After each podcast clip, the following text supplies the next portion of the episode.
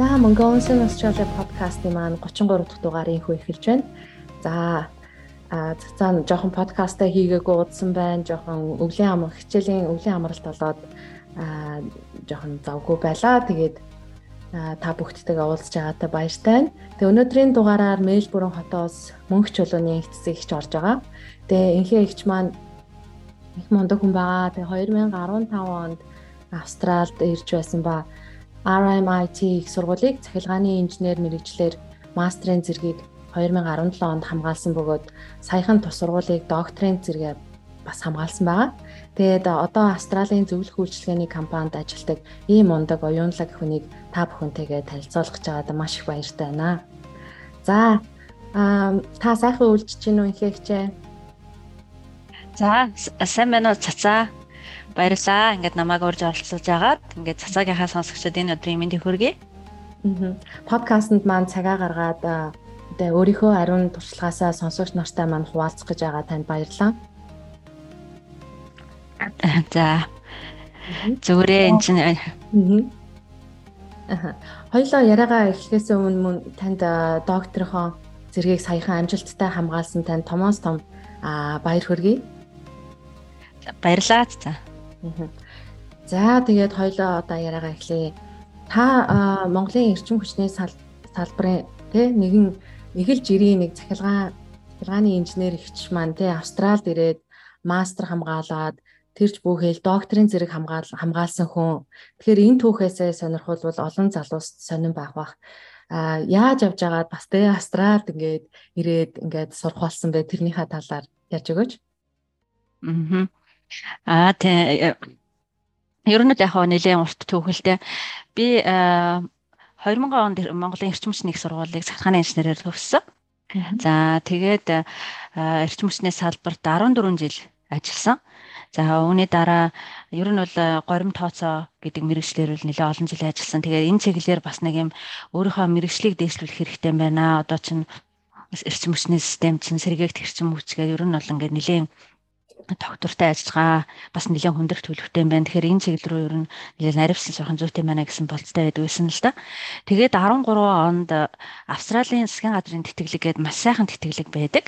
Тэгэхээр энэ тэтгэлэгт 13 онд одоо анх удаа аплай хийгээд тэгээд энэ тэтгэлгийг бол авсан байгаа 13 онд.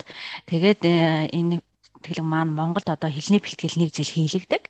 За тэгээ хэлний шаардлагыг хангасан нөхцөл одоо магистрт элсэж ороод 15 онд элсэж ороод 17 онд бол ингээд төгссөн байгаа. За тэгээд 10 Австралийн Армит их сургууль элсэж орсон. Тэгээд магистрийнхаа хугацаанд ерөнхийдөө нэлээд сайн сурсан л да одоо бүх хичээлүүдээр одоо high distinction авна. За мастрынхаа хугацаанд одоо хоёр conference paper бичсэн. За тэгээ RMIT-г одоо төлөөлж одоо Итали улсад нэг пейпер презент хийсэн. За Синзеландд одоо бас нэг пейпер презент хийсэн. За тэгээд одоо их сургууль та одоо маш амжилттай сайн сурлаа. Өргөжлөөд одоо доктор сурно гэсэн урилга буюу одоо тэтгэлгийг өгсөн байгаа.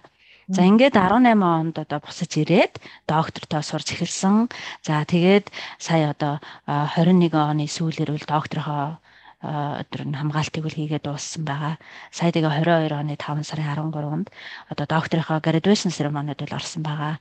Ер нь бол ингээд нэлээд олон жил сурсан гэсэн үг. Аа. Тийм ээ. Тэгэхээр Австралийн засгийн газрын тэтгэлгийг авахыг зорж байгаа, хүсэж байгаа олон залуус Монголоос маань сонсож байгаа ах. Тэгээд тэр хүмүүстэй тэр залуустаа та зөвлөгөө өгөөч.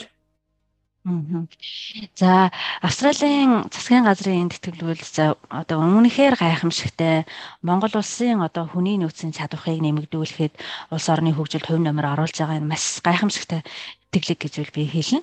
Одоо энэ тэтгэлгээр чинь маш олон хүмүүсийг л сургасан. За энэ тэтгэлэгт бол одоо нэг хэдхэн шаардлага байдаг гол шаардлага.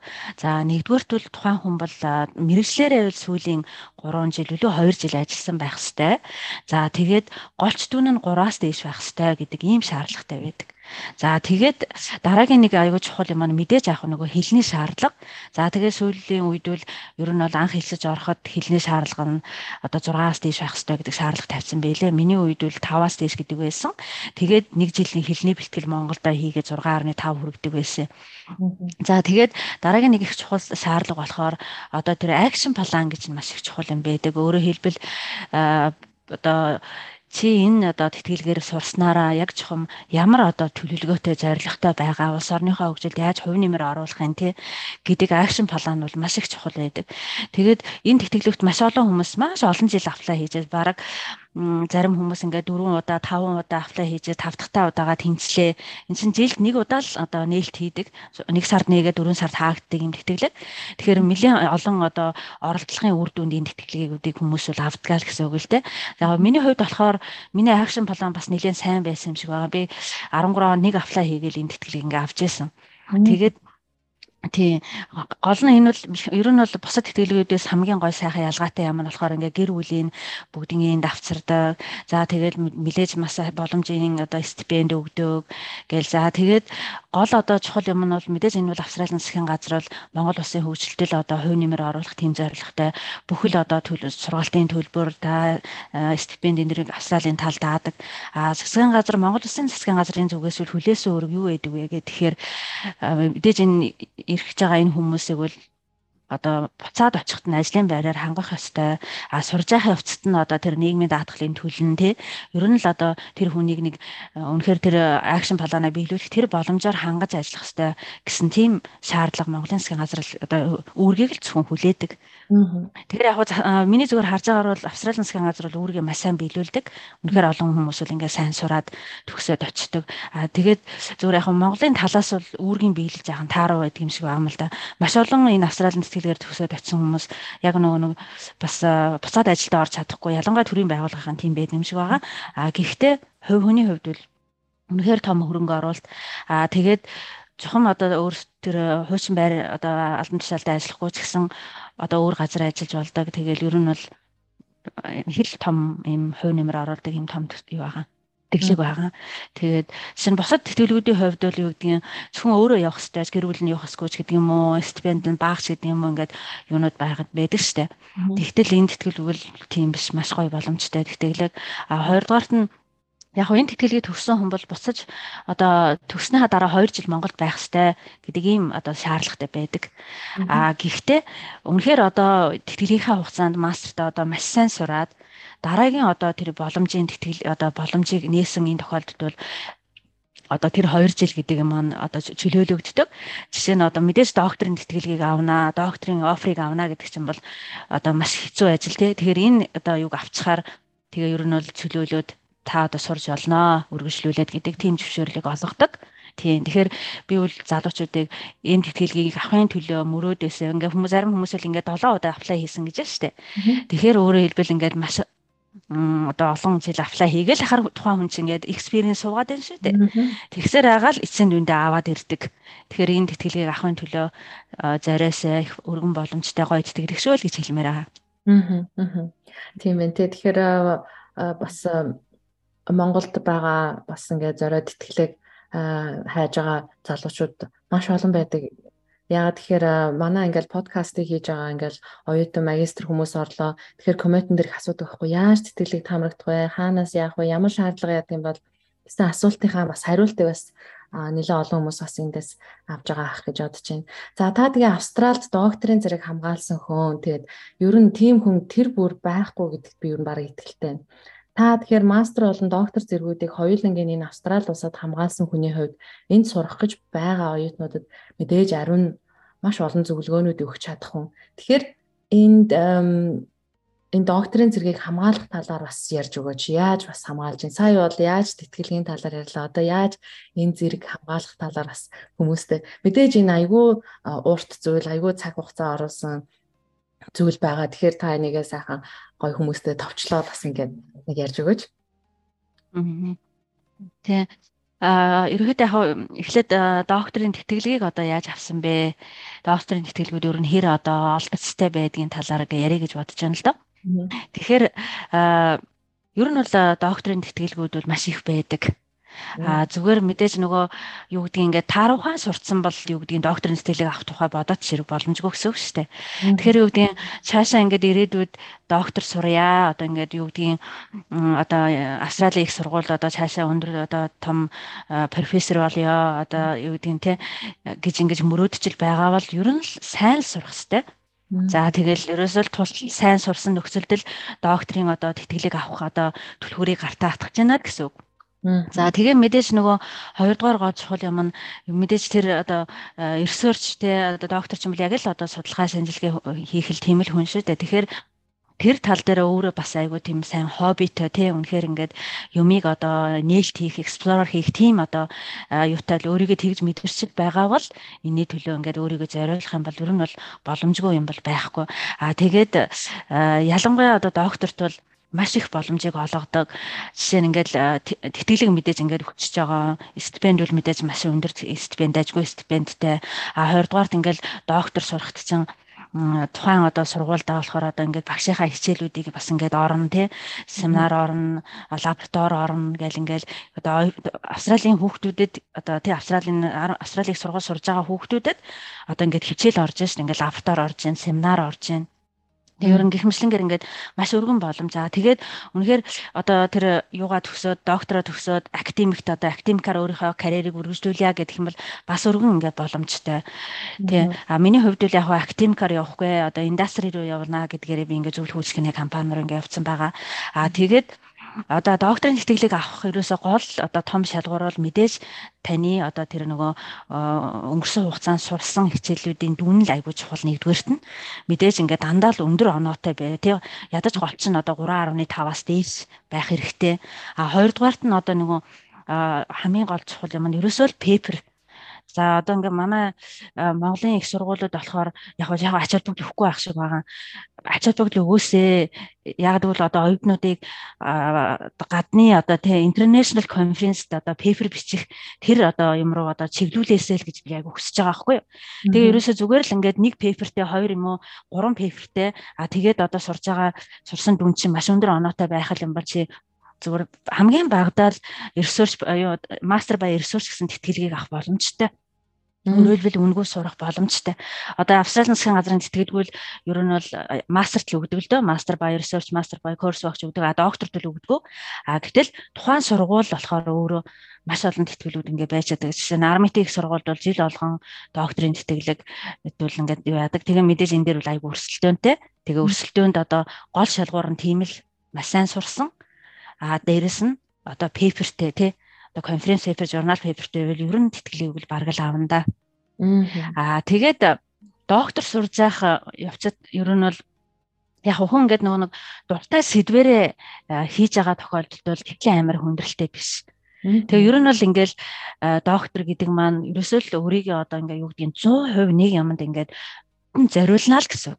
Тэгжээж л үнэхээр чи тэр одоо журнал пейпер гэдэг ямыг одоо ягаад гэвэл ингээд чи одоо нэг журнал пейпер бичлээ гэхээр тэрийг одоо ингээд журнал руу явууллаа гэхэд яг энэ чиний энэ сэдвэр одоо 20 жил 30 жил одоо ингээд насаараа занимаалтсан одоо би энэ орс үг хэрэгжилээ л дээ. Насаараа одоо энүүгээр ингээд ажилласан хүн чиний пейперийг уншина Тэгээ чиний пейпер дотор ингээд нэг жоохон ч гэсэн одоо ингээд нэг харахаар юм байх юм бол тоож уншин тэгхгүй байвал за тэгээл ингээд тэгэхээр нөгөө тэр хүмүүсийг ингээд давж гарнаа л гэсэн үг байхгүй юу. Тэгэхээр үнэхээр л энэ үл үнэхээр dedicated job л гэж би хэлэх гээд байгаа байхгүй юу. Тэгэхээр нэг тийм easy биш. Тэгэхээр easy биш юмыг өөрийнхөө дуртай юмар хийвэл ингээд enjoy байдлаар хийж гэн гэсэн үг. А гэтэл нөгөө тэр дуртай биш юмар ч гэдэг юм уу арай жахан өөр сэдвэр яах юм бол хичүүл авах гэж би зүгээр боддог л доо. А миний хувьд л яг ингээд өөрийнхөө дуртай ямар хийжсэн учраас маш одоо гайгүй байсан гэж ингэ хэлнэ. Докторийн ингэ болохоор а магистрийн болохоор магистрийн сургалт маань болохоор надад ерөнхийдөө нэлээд чаленжтай байсан гэж би яг боддог байхгүй юу.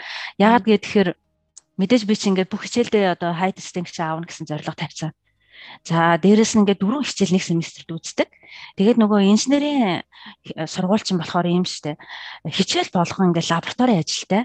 Тэгээ лабораторийн тайлан сабмит хийн тэр болгоно 10 оноотой. За дээрэс нь хичээл болгоно assignmentтай, mid semester testтэй. Тэгэхээр ерөөсөө ингээл ерөөсөө ингээл байнга активны байж ажил тэрийг чинь ингээд нөгөө нэг тултан тултан хийж явна гэдэг чинь ерөнхийдөө миний хувьд бүр ингээд дэндүү аюутай байсан гэж боддог хэрэгтэй. Мастрах. Доктор бол харсан гайгүй ингээд цэвэр өөрөө өөртөө төвлөрч байгаа учраас. Төвтэй тий. Аа. За, иймэрхүүл. Аа. Тэгэхээр таны докторийн сэдв юу байсан бэ? Тэгээд энэ хэр өргөн сэдв. Тий. Аа. За миний докторийн сэдв болохоор ер нь бол сэргээгтгийн сэргээгт хэрчим хүчний төвшин энэ одоо нэвтрүүлтийн төвшин өндөртэй шүлжээний докторчлалтын судалгаа гэдэг ийм одоо сэдв байсан. За тэгээд ерөнхийдөө яг миний ингээд сэдвийг харахад нэг айгүй тийм үргэн сэдв байхгүй юу. А ерөнхийдөө докторууд бол ямар сэдв сонгодог вэ гэхээр тийм маш специфик юм сонгодог. Одоо тийм а зүгээр би ягаад ийм амар өргөн сэдв сонгоцсон бэ гэх тэгэхээр ер нь л одоо яг би нөгөө нэг эрчим хүчний салбарт Монголд ингээ ажиллаж байсан болохоор ер нь л энийг докторчлалт гэдэг ямаараа өөрийгөө одоо цэнэглэе.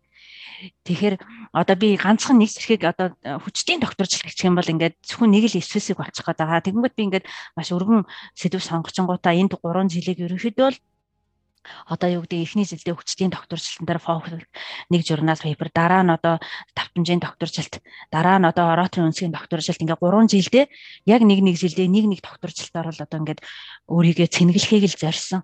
Тэгээд им Тэгээ яагаад одоо энэ докторчлалт гэдэг юм маань маш одоо хүн одоо топ сэдв болчиход байгаа одоогийн хувьд л яагаад тэгэхээр ер нь одоо сэргээ юу н эрчим хүчний одоо бүтэц маань бол одоо бүр урд байхгүй хэмжээгээр бил өөрчлөгдсөн л доо. Урд болохоор ч өмнө нь болохоор ч ингээд зөвхөн одоо юу гэдгийг нүүрс төлдөг цахилгаан станцуудаас цахилгаан үйлдвэрлээл тэгэл хэрэглэгч рүү ингээд нөгөө цахилгаанаа нь урсдаг нэг юм нэг чиглэлтэй байсан бол одоо ч ингээд нөгөө маш олон одоо характеристик буюу шин чанартай юм сэргээгдэх нар сайлах за тэгэл батарей одоо тий ийм усан цахилгаан станц гэсэн маш олон төрлийн юм э, доктор докторгүй үйлдвэрлэлт хийдэг ийм их усрууд ороод ирчихээр нөгөө систем маань ингээд доктортай ажиллахад маш хүндрэлтэй болчдөг байхгүй юу? Тэгэхээр энэ л ямиг чин одоо судалдаг тэр хүн одоо тэр одоо юу салбарчин бол энэ юу тэр салбар дээр л би ерөнхийдөө докторийн ажлыг хийсэн л гэсэн үг л дээ. Тэгээ энэ маань одоо зөвхөн одоо Монгол улсад төдийгөө ер нь дэлхийд дээр л үнэл одоо үнэхээр одоо чухал болчиход байгаа. За тэгээд Австралийн хувьд бол энэ бол үнэхээр маш одоо өндөр түвшинд хөгжсөн одоо энэ докторчлалтын асуудал дээр яа тэгэхээр австралч нөгөө сэргийгтийн нэвтрүүлгийн түвшин маш өндөр. Тэгээ маш өндөр гэдэг утгаараа одоо системээ доктортой ажиллуулахад маш хүндрэлтэй. За тэгэхээр маш хүндрэлтэй учраас өөрөөр хэлбэл доктортой ажиллахын төлөө одоо маш олон одоо тэр стандарт, норм, дүрм, за тэр програм хангамж, за тэр загварчлал энэ төр, за дээрэс нь тэр хүний нөөцөө бэлтсэн асуудал нь бол үнэхээр мундаг төвшөнд хөгжөө явж байгаа. Тэгээд ингээд тийм ус байхгүй Австрал. Тийм тэгээд одоо ядангуяа би нөгөө энэ индастрид нь ажиллаад тэгэхээр тэрийг улам их мэдэрч байгаа. Тийм. Тэгэхээр аюу том өргөн сэдвэр та бас докторийн сэдвийг сонгож авсан байна шүү дээ, тий. За тэгэхээр та түрүүн бас доктор магистрийг хамгаалахад бас хэцүү зүйлүүд бас товч дурдлаа л да. Тэгэхээр та одоо яг энэ өндөрлгөөс те бүх зэрэгээ хамгаалаад дуусны дараа энэ өндөрлгөөс эргээд харахад та мастер доктор сурж байх үеийнхээ тэр хэцүү зүйлүүдээ бас хэлэж хэцүү юм юу байсан бэ? Аа за би мастрын хугацаа нөгөө хэцүү байсан юм нь бол түрүүн баг хэлчихсэн тий. Тэгээ мэдээс яг монголчуудын хувьд бол нөгөө хамгийн хэцүү юм нь бол яг тэр бид нар чинь үнэхээр одоо англи хэлтэй англи хэлний одоо үндсэн хэл нь англи хэл биш юм орон тий. Тэгтэл яг юм үндсэн хэл нь англи юм оронд одоо ингээд сурна гэдэг бол бас л айгүй хүндрэх хэцүү. Хамгийн хэцүү юм бол мэдээж яг хэлний асуудал байсан хэлэл ерөнхийдөө хамгийн хэцүү хүндрэлтэй асуудал байсан. Одоо тэр олон лекцийг одоо хүмүүсийн одоо юг үнэхээр өөрөөсөө ингээд айгүй одоо хичээл зүтгэл гаргаж яаж нэг одоо сурсан л хэлэл хэцүү байсан. Тэгэхээр тэр утгаараа би хэлбэл юу гэж боддог байхгүй юу? Одоо би энтгэх ингээд хүмүүстүүдийг хараа хэдийгээр тэдний яриа амар хэцүү байсан ч гэсэн энтгэх чи одоо баг англи хэлийг нэгдүгээр хэр болгоцсон шүү дээ тий. Тэгсэн тэгэхээр ингээд баг одоо захын энтхийг хурж ирэл энд ингээл мэрэгжлийн ажлаа хийгээл ингээл яваад өгч байгаа байхгүй юу. Өөрөөр хэлбэл англи хэлнэ тий. Тэгэхээр бид нар одоо тэр англи хэлийг л одоо юу гэдгийг би яг санаж байна хэдэн нэлээд олон жилийн өмнө баха их сургуулиуд манайх чинь одоо их сургуулиудын хичээл нь орос хэлээр явдаг байсан гэсэн. Тэгэхээр миний үед биш л те. Манай аав ээжийн үед их ах эгчийн үед чинь тийм байсан шүү дээ. Би эрчим хүчний сургуульд ороход яг тэгж ярьж байсан. Лекц нь одоо хичээл нь бүх юм дандаа орос хэл дээр явдаг байсан. Яг тэрэн шиг одоо би их сургуульд ч юм уу англи хэл дээр явдаг болгоосэ Монгол улс маань тий. Тийм тийм. За одоо тэр 10 жил үл яг хөө мэдээж 10 жил үл угаасаа суурин тавигдах хэрэгтэй гэдэг утгаараа монгол хэл дээр байх хэрэгтэй. А зүгээр их сургуульдаа сурахтаа үнэхээр англи хэл дээр бэст ингээд сурчих юм бол өөрөөр хэлбэл тэр хүмүүст ингээд дахиад цаашаа амьдрах тэр юуг нь гаргаж боломжийг өгөөд байна л гэсэн. Тэгэхээр би бол тэгж боддог. А докторт ингээд сурж байхад Ер нь бол мэдээж амар хэцүү маш олон пейпер уншина. Ингээд төвлөрч ажиллана. Их л ер нь бол нэлээд л төвлөрч ажиллах тийм шаардлагатай байдаг байсан. Тэгээ би надад нэг ийм юу намдад надад айгуу тийм мэрчүүч өгдөг байсан л да. Юу гэхээр ингээд шинэ ингээд доктор өөрөө байх хэрэгтэй манай сургуульд чинь. Тэгээд тэн дотор ганцхан Монгол л бий байгаа. За тэгээд тойрол ерөөсөө маш олон хятадууд, маш олон одоо Бангладеш ингээл ингээл маш олон оюутнууд ингээл сурж байгаа. Тэгэл мэдээж ингээл заримдаа бол ингээл пейпер уншиж яхад ингээл юу гэдэг чинь нойр хүрэн те. Тэгэнгүүт ингээл нэр би чи нэр Монголоос ганцаараа шүү дээ те. Одоо юу гэдэг юм Монгол улс намайг одоо томилж энд ирсэн шүү дээ гэдэг ч юм уу ингээд одоо тийм тэгэнгүүт одоо баг ингээл амар тийм нойр хүрхэ болоод бүр ингээл сэргэж ирээл юм аа уншдаг шиг юм уу те. Тэгээд би тэр одоо амар хичээл зүтгэлтэй одоо ингээд юмаа хийж байгаа тэр хятад оюутнуудын бусад доктор оюутнуудыг ингээ харахаар за за ингээд хүний нэм байхад улс орн одоо хөгжөхөөс ч яахвтэй гэд ингээд нэг жоохон ч гэсэн тийм атаархал төрдөг. Тий. Тий, ер нь бол тийм тэгээд би маш олон одоо монголчууд маань л ингээд нөгөө юмыг ингээд тултлан ингээд сураад тэгэл юм бол ус маань гоё болно да гэж л би зүгээр боддог л та. Тий. Аа. Тийм шүү. За дараагийн асуулт нь таны докторийн удирдагч ямар хүн байсан бэ? Тэгээ ер нь яаж докторийнхоо удирдагчийг олдго юм бэ? А миний докторийн удирдагч болохоор Ласанта Мегахапола гээд Шриланк хүн байсан. Армитик сургуулийн одоо профессор. За тэгээд одоо IEEE-ийн ахлах судлаач гээд маш одоо судалгааны чиглэлээр үл нэгэн одоо туршлагатай юм мундаг хүн байсан л да. За тэгээд ерөнхийдөө докторийн ажлыг хийхэд удирдахч болохоор маш чухал байдаг. Удирдахчл ерөөсөө яг бол бид нар чинь бас яг тэгчээ сайн одоо юу хийхээ үл үндсэндээ мэдэхгүй шүү дээ. А гэтэл одоо удирдахч хүн бол ерөөсөө маш сайн чиглүүлж өгч одоо маш сайн хамтарч ажиллаж одоо чиний чадварыг одоо үнэхээр тултлан ашиглаж одоо тэр зорилгот чинь хүрэхэд чиглүүлж өгдөг тийм чухал хүн гэсэн үг л дээ. Тэгэхээр энэ докторхоо удирдахчиг бол бас айгүй тийм болгоомжтой сайн сонгох хэрэгтэй юм шиг санагддаг. Зүгээр яагаад тэгэхээр ингээд наадтай одоо зэрэгцээ сууж байгаа зарим ингээд оюутнууд болохоор ингээд удирдахч нь одоо юу гэдэг юм баг ингээд тоодгүй ч гэдэг юм уу хитрхи одоо бүр ингээд дээгүр ингээд юу ятсан баг ингээд уулзтагчгүй нэг тийм удирдахч нар тэр оюутнууд болохоор яадгүй гэхээр баг ингээд 4 жил болцсон, 5 жил болцсон, одоо scholarship найд хэдэн дууссан, одоо нэг ширхэгч paper хэвлүүлж чадаагүй бүр ингээд амар struggle ботсон тийм юмнууд ажиглагдчихсэн. Тэгээд манай багш болохоор өстой үнэхээр сэтгэвтэй, үнэхээр гоё хамтарч ажилладаг ийм удирдахч байсан. Би энэ удирдахчтай байгаадаа бол өстой үнэхээр одоо баярлдаг. Аа. Тий. Тэгэхээр доктор хамгаалахад удирдахч айгүй чухал. Тэгээ удирдахчаа бол мэдээж яг уу яаж олох вэ гэхээр мэдээж өөрийнхөө чиглэл рүү л одоо судалгаа хийж байгаа тэ доктор профессоруудтай л холбогдож тэгээд тэр доктор профессорууд үнэхээр чам чамааг бол одоо тэ өсөх ирээдүйтэй ирээдүйд одоо судалгааны ажил үнэхээр тэр хүнд бас ингээд пепер бичнэ гэдэг чинь манай багш ч гэсэн бас айгүй хэрэгтэй байхгүй одоо том одоо QR гэл одоо top ranked team журнал paper бичнэ гэдэг чинь багшийн нэр хүнд ч ихсэн айгүй чухал хэрэгтэй. Гэтэл яг тэгж хамтарч ажиллах тийм чадвартай оюутан э, гэж өөрийгөө одоо удирдахчид ойлгуулж чадчихвэл тэгэл удирдахч олно гэсэн үг л дээ. Тэгээд тий ер нь бол удирдахчтай нэлээд олон жилийн хамтын ажиллагааг өрнүүлж байгаа л тэгэл тий. Аа. Тийм байна те. За тэгэхээр та Австрали одоо та Австралийн зөвлөх үйлчлэгээний компанид ажилладаг байгаа. Тэгээд тэр ажлынхаа талаар яриач. За би а 2000 оны 10 сараас эхлээд яг доктороо яг хамгаалах сүүлийн жилүүдэд энэ компанид ажиллаж эхэлсэн л дээ. 10 сард 2000 оны 10 сард манай багш маань болохоор юу гэсэн бэ гэхээр За одоо ингээд нөгөө нэг чиний пейпер чинь ерөөхдөө бараг болчихлоо. Одоо пейпер бичих одоо шаардлагагүй тест одоо диплома бичээд эхлэе гэдгийгсэн. Тэнгүүд ингээд надад нэг тийм одоо баг хийх ажилгүй юм шиг болчихж байгаа байхгүй. Яг бол нөгөө paper хэвлүүлэн, журнал paper хэвлүүлэн гэдэг нь ингээд ер нь бол тасралтгүй активны байх ажил учраас би ерөөхдөө докторийн хугацаанд бол ажил хийнэ гэсэн ойлголт байгаагүй.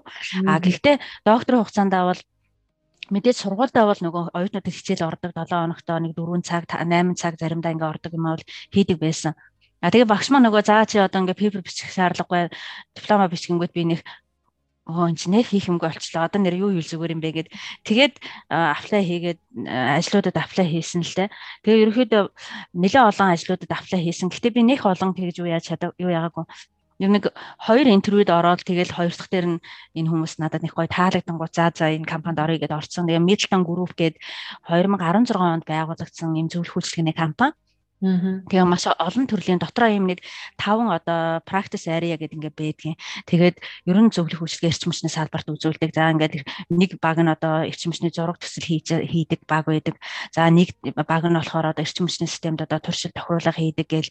За миний ажиллаж байгаа энэ баг болохоор new energy гэдэг тэр баг нь байгаа. Тэгэхээр энэ new energy болохоор ямар юу хийдэг вэ гэхээр ер нь power system study буюу одоо ингээд ер нь power system study буюу энэ миний тооцоо биш үү одоо түрүүний төгссөн яг тэр чиглэлээр бүх ажлуудыг хийдэг.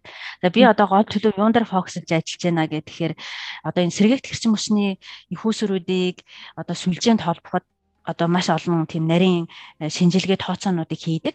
Тэгэхээр энэ одоо шинжилгээ тооцоонууд дээр би гол төлөв төвлөрч ажилладаг.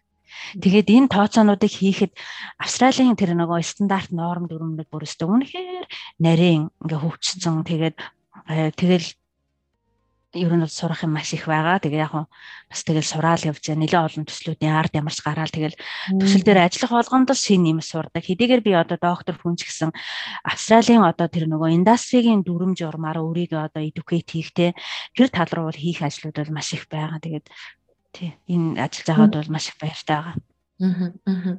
Та тэгэхээр мөн Монголд байхдаа тийм Монголын эрчим хүчний салбарт олон жил ажилласан. Мөн одоо Австралийн эрчим хүчний салбарт ажиллаж байгаа. Тэгэхээр Монголоос цахилгааны инженер Австралид ирээд шууд мэрэгчлэрээ ажиллах тийм боломж байна уу? Тэгээ энд мэдээж яг уу те хоёр орны хувьд бас өөр зүйлстэй gap байгаа. Түүнийг бас арилгахын тулд бас юу хийх ёстой гэж та боддог вэ? Аа. За маш гоё асуулт байна энэ талаар би ерөнхийдөө дандаа боддог байхгүй юу. Аа би ингээд Монголын IT-ийн инженеруудыг би ингээ хараад тэгж боддог гэсэн. IT-ийн Монголд жишээ нь IT-ийн инженерүүд хурж ирэл шууд Австрал мэрэгчлэр ажилладаг. Одоо Австралийн их сургууль сурах шаардлага байхгүй шууд. Тэгээ ингээ би бүр тэрийг хараад гайхдаг байхгүй ингээд яагаад Монголын цахилгааны инженер энэ дээрж болохгүй гэж ер нь одоо гээд ингээ боддог гэсэн. Тэгээд ерөөсөө гол нь тэрэл юм бэлээ л дээ. IT-ийн инженерүүд бүгдөө л яг нэг хэлээр ярьдаг болсон одоо хийж байгаа ажил нь яг ижилхэн яг нэг стандарттай нэг л одоо C хэлээр ярьдаг бол C хэлээр л бичиж байгаа учраас өөрөөр хэлбэл Монголын IT-ийн инженер Австралийн IT-ийн инженертэй нэг хэлээр яриад мэрэгжлийн хувьд нэг хэлээр ярих боломж нь аль хэдийн бүрдсэн. А гэтэл Монголын сахилгааны инженер, Австралийн сахилгааны инженер нэг хэлээр ярих боломж байна уу гэхээр одоохонд байхгүй л байгаа байхгүй юу. А тэгээд тэрэн дээр юун дээр байна вэ гэхээр за одоо юу гэдгийг тухайн цахилгааны одоо инженерийн мэдлэг босрал дээр байна уу гэхээр би бол тэгж харж байгаа. Жишээ нь манай эрчим хүчний одоо Монгол Улсын эрчим хүчний сургууль бол маш одоо өндөр түвшинд бол мэрэгжлийн хувьд бэлддэг гэж би үнэн яг хэлнэ. Одоо яг гэвэл би тэр л сургуулийн бүтээгдэхүүн учраас Тэгээ одоо энд ингээд авсраа сурахад ерөөсөө гол ялгаа нь юу вэ гэхээр нэгдүгээр мэдээж хамгийн том ялгаа бол ерөөсөө хэл. А бусдаар бол манай Монголын эрчим хүчний сургууль бол үнэхээр одоо цахилгааны инженер хүн мэдэх ёстой тэр л босрлыг маш мэдлэг босрлыг бол маш өндөр түвшинд олгодог.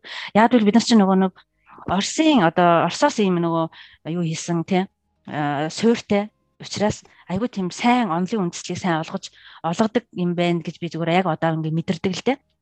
А тэгээ нэгдүгээр нэгдүгээр хүндрэлтэй юм нь болохоор англи хэл байгаа даа хэлний асуудал байгаа даа. За хоёрдугаар хүндрэлтэй юм нь болохоор юу байна вэ? Яагаад энд ажиллаж чадахгүй байна вэ гэхээр ерөөсөө л стандарт стандарт. Тэгээ би бас нэг айгүй ингэж хардаг гэсэн аахгүй. Аа Монголын эрчимчний их сургууль болохоор маш олон сайхан онлын мэдлэгийг л олгодог. А гэтэл индастрид нь гарч ирээд тэр өндөр нарийн онлын мэдлэгийг ингээд практикээр бараг л ашигладаг юм билээ гэж би зүгээр бодоод байгаа байхгүй. Тэг яагаад ашигладаг юм бэ гэхээр нөгөө стандарт нь тэр өндөр түвшинд хөгжөөгүй. Тийм. За одоо жишээ нь ингээд зүгээр л нэг кабель булахын төлөө Австралид чинь бүр маш олон төрлийн шинжилгээ тооцоо хийжээж чи кабелийг одоо яах хэвээр татах хэвээр л гэж шээ. Тэгэхээр чин тэр одоо шинжилгээ хийхин тулд нөгөө Австралийн цахилгааны инженер чинь нөгөө их сургууль сурсан тэр онлайн мэдлэгээ ашиглахаас өөр аргагүй болж байгаа байхгүй юу? Тийм. Тэгэхээр өөрөөр хэлбэл тэр зөрөө байна. Тийм учраас хамгийн дараагийн нэг одоо англи хэл дээр нэмэх нь ямар одоо чухал юм байна вэ гэхээр ерөөсөө л манай индастри буюу эрчим хүчний салбар одоо энэ юу маань одоо энэ стандартуудаа л юм өндөр түвшинд хөгжүүлээсэ тэгээд одоо тэр стандартыг одоо мэддэг бол бид нар нөгөө одоо юу гэдгийг IT-ийн инженертэй адилхан Монголын цахилгааны инженер маань Австралийн цахилгааны инженертэй яг нэг хэлээр ярина. Одоо нам хүчлийн одоо зураг төслийн стандарт гэдэг юм уу Австралийнхан бол өстой маш өндөр түвшинд хөгжүүлсэн стандарт байж шít. А тэгээд энэ стандартаа австралчхан болохоор яаж хөгжүүлж байна гэхээр энэ стандартаа жил болгон сайжруулж байна. Одоо бүр ингээд тухайн стандарт нь баг юм усгүй болж байна гэсэн үг байхгүй юу? Усгүй яг гэвэл ингээд бүр сайжраад сайжраад сайжраад а хоёрдугаарт нь тэр стандартыг индастри дээр нь бүр өстө тултал нь ашиглаж байна. А дээрэс нь тэр стандартаар хүмүүсээ одоо цэнэглэх те хүмүүсээ тархин цэнэглэхэд бүр аль хэдийн систем нь бий болцсон. Зөвхөн их сургуульд нь тэр стандартыг нэг хичээл болгоод орж ийн гэнгээ бодтоо. Одоо Австрали миний сурсан би одоо мастертаа сурахдаа нэг хичээл сонгосон. Тэгээд тэр хичээл дээр болохоор яг энэ Австралийн нам хүчлийн стандартыг зүгээр л нэг хичээл болгож орсон орж байгаа байхгүй юу? Тэгэхээр чин тэрүүгээр төгссөн хүн чинь индастри дээр очиад тэр стандартыг ашиглахаас аргагүй шин. Яг энтэй адилхан л одоо юу гэдгийг Австралийн тэр стандарт одоо Австралийн бүх стандартчууд ерөөсөө ISO стандартаар суурилсан байхгүй юу. Тэгэхээр манайх бол Монголд бол стандарт тал дээр юм хийхгүй байгаа юу гэхээр үгүй. Маш их юм хийж байгаа. Нэгийг харьцаа нэг гээл стандарт бол маш их орчуулж. Тэгэхээр өөрөөр хэлбэл энэ стандартаар яаж хүмүүсээ яаж цахилгааны инженер цэнэглэх вэ гэдэг дээр системийг бий болгохтой анхаарах хэрэгтэй билээ. Тэр одоо их сургуульд нь тэр одоо цахилгааныхын курст нь тэр стандартаар одоо бүхэл бүтэн хичээл загварчлаад ордог. А дээрэс нь тэр стандартаар бүхэл одоо зураг зургийн компаниуд нь зураг төслөө хийдэг ашиглалтын компаниуд нь тэрийг баримталдаг. За зүгээр айл өрхүүд нь за орон сууцны хүртлээр стандартыг баримталдаг.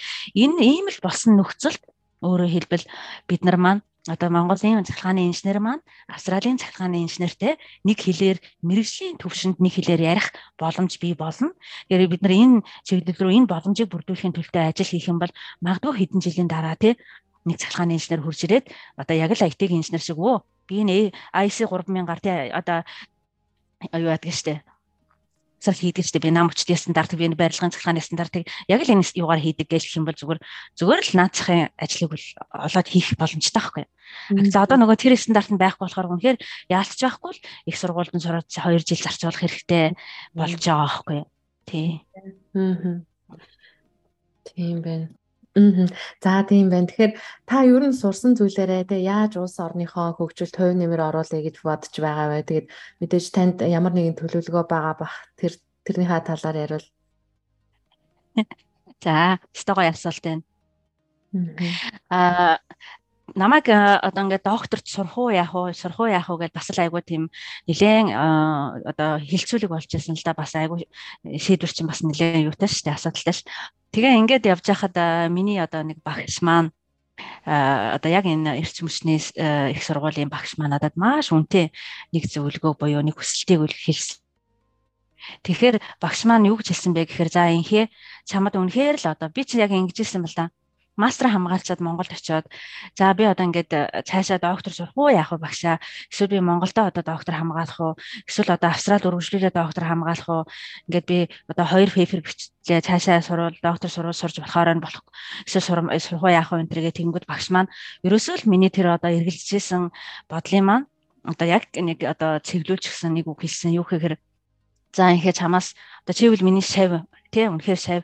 Тэгээ шав нь одоо багш нь одоо шаваасаа гуйж байна. Үнэхээр чамд одоо боломж нь байгаад тий одоо энэ Австралийн одоо их сургуулаас сэтгэлийг авч чадчихлаагаа бол чи энэ докторшилт гэдэг хүнд сэдвийг чи л одоо сурах хэвээр. Хэрвээ чи энийг ингээд сураад энүүгээр ингээд өөрийгөө цэнэглээд ингэчих юм бол чамайг дагаад бид ногоорноо.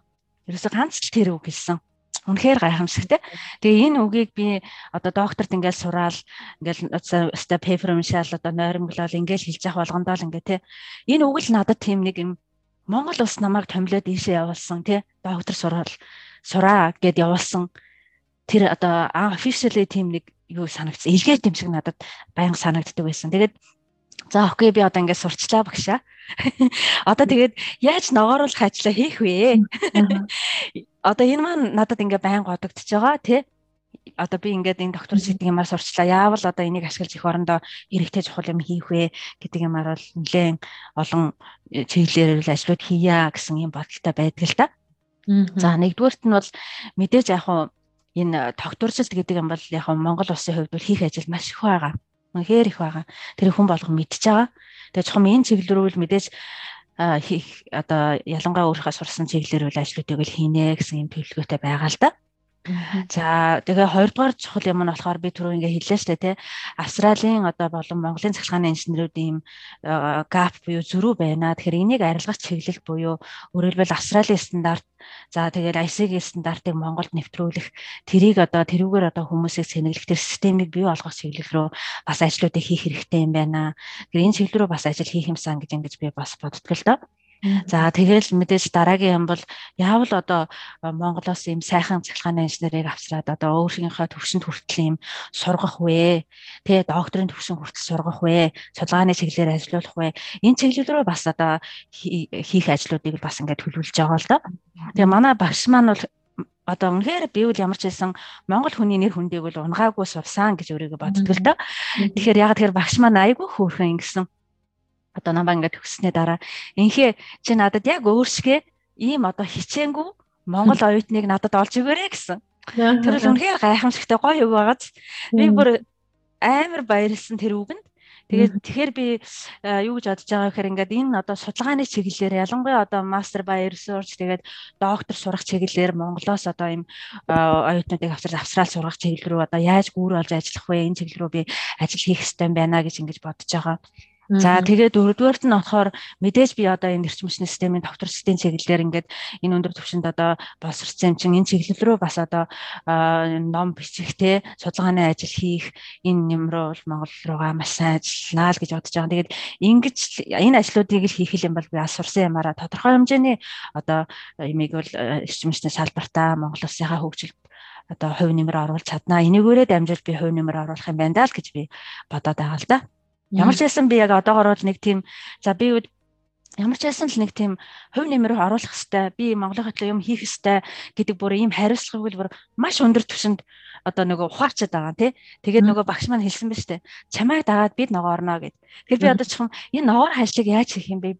Энэ надаас хамаарах юм уу? Эсвэл өөр хүмүүсээс хамаарах юм уу? Монгол улсаас хамаарах юм уу? Тэрийг яг гэхдээ сан учраа олохгүй л байгаа. Гэтэ ямар ч хэлсэн тодорхой төлөвлөсөн юмнууд байгаа. Аа.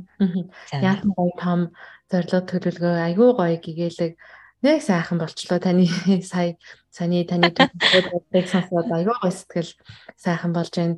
Тийм тэгэхээр ерөнхийдөө хоёулангийн подкаст маань ийхүү ингээд өндөрлөгт өгч जैन. Тэгээд танаас асуугаагүй тий үлдээсэн асуулт байвал эсвэл тий бас сүүлчийн асуултыг хормыг танд асуултыг. За А ерөөхдөө яг хоо би э, сүүлчийн асуултыг нэг хоёр юм руу чиглүүлж хэлье гэж бодож байна л да. Нэгдүгürt нь болохоор ингээд оюутнуудад те одоо ингээд Австралид болон бусад улс оронд очиж ингээд сурж байгаа юм оюутнуудад юу гэж зөвлөх вэ гэхээр мэдээж хамгийн чухал юм нь одоо яг сайн сураарай л гэж ингээд зөвлөн л дөө. За яагаад сайн сураарай гэдээ ингээд зөвлөж байгаа юм бэ гэхээр би ингэж яг ингэж л айгу бодоод байгаа сүүлийн үед л юу гэхээр ингээд нэг юм хүний амьдрал нэг юм тодорхой үеуд байдаг юм байна За одоо юу гэдгийг сурж боловсрох үе. За одоо ингээд одоо ажил хийх үе, амьдралаа босгох үе, за тэгээ бизнесээ босгох үе гэдэг ч юм уу ингээд үеуд байдаг юм байна. Өөрөө сурах нас гэхээр Тэгэхээр би яг тэр үедээ тухайн ямиг тулталн хийгээрэй л гэж хэлэх гээд байгаа юм л да. Өөрөөр хэлбэл сурах насандаа л зүгээр ямиг тулталн сураарэ. Тэгээд тулталн сурах юм бол дараагийн одоо маш гоё юмны боломж би үе таалга байнга л нэгдчихэд. Тийм. Тийм учраас өөрөөр хэлбэл ажиллах ёсгүй насандаа ажил дээр фокуслаад сурч чадахгүй ингэж балансаа алдах биш. Тэртээ тэргүй чимэд ажиллах энэ энэ үед чи зүгээр хөтлөө ажиллана тийм үү гэдэг үе чинь тэртээ тэргүй эхэлнэ. Яг энэ үе чинь болохоор чи зүгээр л хэвээр нэрэн тулсан сурах хэвээр үе нас. Тэгэхээр тэрэн дээрээ тулсан сураад дараагийн дараагийн хаалгыг нээж явсараа тэгээд ажлынхаа талбар руу ороод тэр амар ажиллаа тий. Тэгэхээр энэ дээр фокуслаарай л гэж би зөвхөн оюутнуудад зориулж ингэж хэлье гэж боддог. Аа хоёрдугаар юм нь болохоор одоо улс орондоо болохоор би ингэж бодоод байдгийн харьсангуй одоо сүүлийн жилүүд бол маш олон одоо залуучууд одоо ингээд маш өндөр түвшний боловсролыг үл эзэмсэж байна л да. Төрөл бүрийн одоо нөгөө мэрэгчлэрээ тий. За тэгэхээр улс орн маань энэ одоо яг тэгвэл энэ бол Монгол улсын хувьд бол маш үнэтэй капитал бүр одоо бүр юугаар шимжих аргагүй тийм үнэтэй капитал. Тэгэхээр энэ одоо үнэт капиталыг жоохон одоо 100% ашиглаасэ энэ чиглэл рүү тий яаж ашиглах вэ гэдэг талаар толгоогоо ажилуулаасаа гэж үл ингээд боддог л доо. Үнэхээр ингээд чиглэл чиглэлийн одоо боловсрсан тийм өндөр түвшин боловсрсан хүмүүсийг л 100% ашиглах юм бол хөөрхөн ямар ч байсан нэг юм үр дүн харагдан да. Тэгэхээр энэ одоо өндөр түвшин боловсрсан хүмүүсээ тухайн чиглэлээр нь одоо тий юу л хийхийг хүсэж байгаа тий ямар л контрибьюшн үзүүлэх хүсэж байгаа тэр одоо юуг нь нээж өгөх тий хамтарч ажиллах чиглэл рүү анхаараасай л гэж зөвөр боддог л доо. Аа. Ийм л хоёр юм хэлээ да. Аха. За тэгээ баярлалаа. Тэгээд Монголын эрчим хүчний салбарын тэ эгэл живийн захиргааны инженер ихч маань Австралийн мастер доктор зэргүүдийг хамгаалаад Монголынхоо нэрийг гаргаад Монголынхоо төлөө гэсэн сэтгэлтэй мэрэгчлэр ажиллаж байгаа ийм ундаг хүнтэй ярилцаж Тэ миний подкастын маань хүндтэй зочноор орсон танд маш их баярлалаа. За баярлалаа цацаадаа ингээд ийм гоё одоо подкаст эрхлээ тий бас ингээд сонсогчдын чихийг маш гоё хэрэгтэй мэдээлэлэр одоо ингээ мэлах ийм одоо буянтай үйл хийж байгаа чамд одоо ажлын өндөр амжилтыг гэр бүлд нь сайн сайхан бүхнийг хүсэн өрөөй. Тэгээ бас сонсогчд нь одоо бас сайн сайхан бүхнийг хүсэн өрөөё. За баярлалаа. Тэгээд мэйл баярлалаа нэгтцэг цацаанаар ярилцлаа. Дараагийн дугаар хүртэл баяртай сонсогчдоо.